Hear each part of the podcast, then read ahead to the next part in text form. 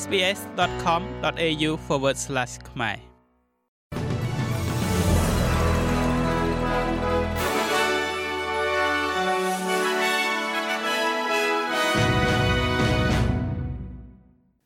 ចាសសូមស្វាគមន៍មកកាន់នេតិព័ត៌មានខ្លីៗរបស់ SBS ខ្មែរសម្រាប់ថ្ងៃប្រហ័សទី20ខែកក្កដាឆ្នាំ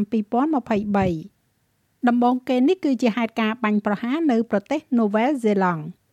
ប៉ូលីសបានប្រកាសឲ្យស្គាល់ពីអត្តសញ្ញាណរបស់បុរសម្នាក់ដែលបានបាញ់សម្លាប់មនុស្ស2នាក់និងធ្វើឲ្យរបួស6នាក់ផ្សេងទៀតនៅក្នុងការបាញ់ប្រហារនៅតំបន់ CBD នៅទីក្រុង Auckland ។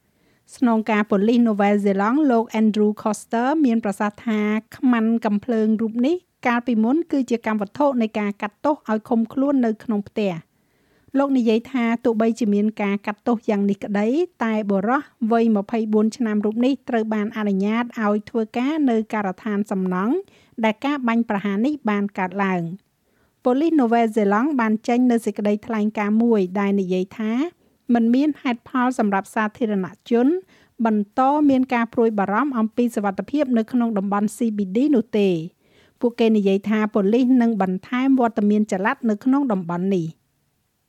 យើងត្រឡប់មកក្នុងប្រទេសអូស្ត្រាលីវិញអតីតលេខាធិការនាយកដ្ឋានសេវាកម្មមនុស្សលោកស្រី Catherine Campbell ត្រូវបានព្យួរពីការងារជាន់ខ្ពស់នៅ Oaks ដែលបានប្រាក់បៀវត្ស9សែនដុល្លារក្នុងមួយឆ្នាំ បន្ទាប់ពីការរកឃើញរបស់រាជគណៈកម្មការលើ Robodebt លោកស្រី Campbell បានដឹកនាំនាយកដ្ឋាននេះនៅក្នុងអំឡុងពេលដាក់ចេញនៅប្រព័ន្ធស្ដារបំណុលដោយស្វ័យប្រវត្តិ ដែលបានផ្ញើសម្បត្តិមិនត្រឹមត្រូវរាប់រយពាន់ច្បាប់ទៅឲ្យអ្នកទទួលប្រាក់ពី Centrelink ដែលលើកឡើងពីបំណុលខុសច្បាប់មកលើពួកគេ ដែលក្រោយមកត្រូវបានគេស្គាល់ថាជា Robodebt រាយគណៈកម្មការត្រួតពិនិត្យទៅលើ Robodebt បានរកឃើញថាលោកស្រី Campbell បានបរាជ័យនៅក្នុងការចាត់សកម្មភាព នៅពេលដែលមានការជូនដំណឹងក្រានរំលឹកអំពីភាពខុសច្បាប់នៃគម្រោងនេះ លោកស្រីគឺជាបុគ្គលជាន់ខ្ពស់ដំបូងគេដែលជាប់ពាក់ព័ន្ធទៅនឹងគម្រោងខុសច្បាប់នេះដែលត្រូវប្រឈមមុខទៅនឹងលទ្ធផលជាសាធារណៈចំណែកឯអត្រាគ្មានការងារធ្វើនៅក្នុងប្រទេសអូស្ត្រាលីវិញបានបន្តធ្លាក់ចុះមកនៅត្រឹម3.5%គឺចុះពី3.6%ទិន្នន័យរបស់ការិយាល័យស្ថិតិបង្ហាញពីប្រជាជនបន្ថែមប្រមាណជា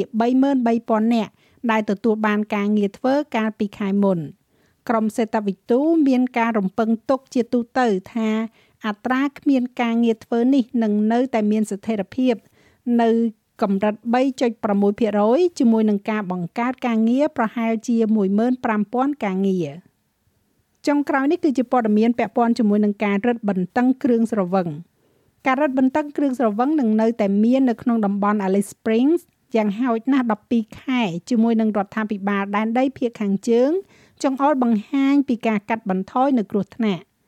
ការរឹតបន្តឹងនេះត្រូវបានណែនាំឡើងនៅក្នុងខែមករានិងរួមបញ្ចូលទាំងដែនកំណត់ទៅលើម៉ោងលក់ដូរនៅក្នុងហាងស្រា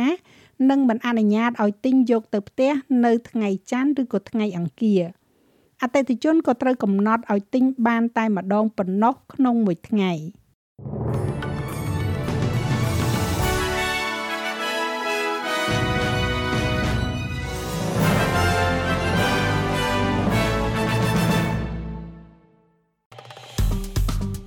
ចុច like share comment និង follow SPS ខ្មែរនៅលើ Facebook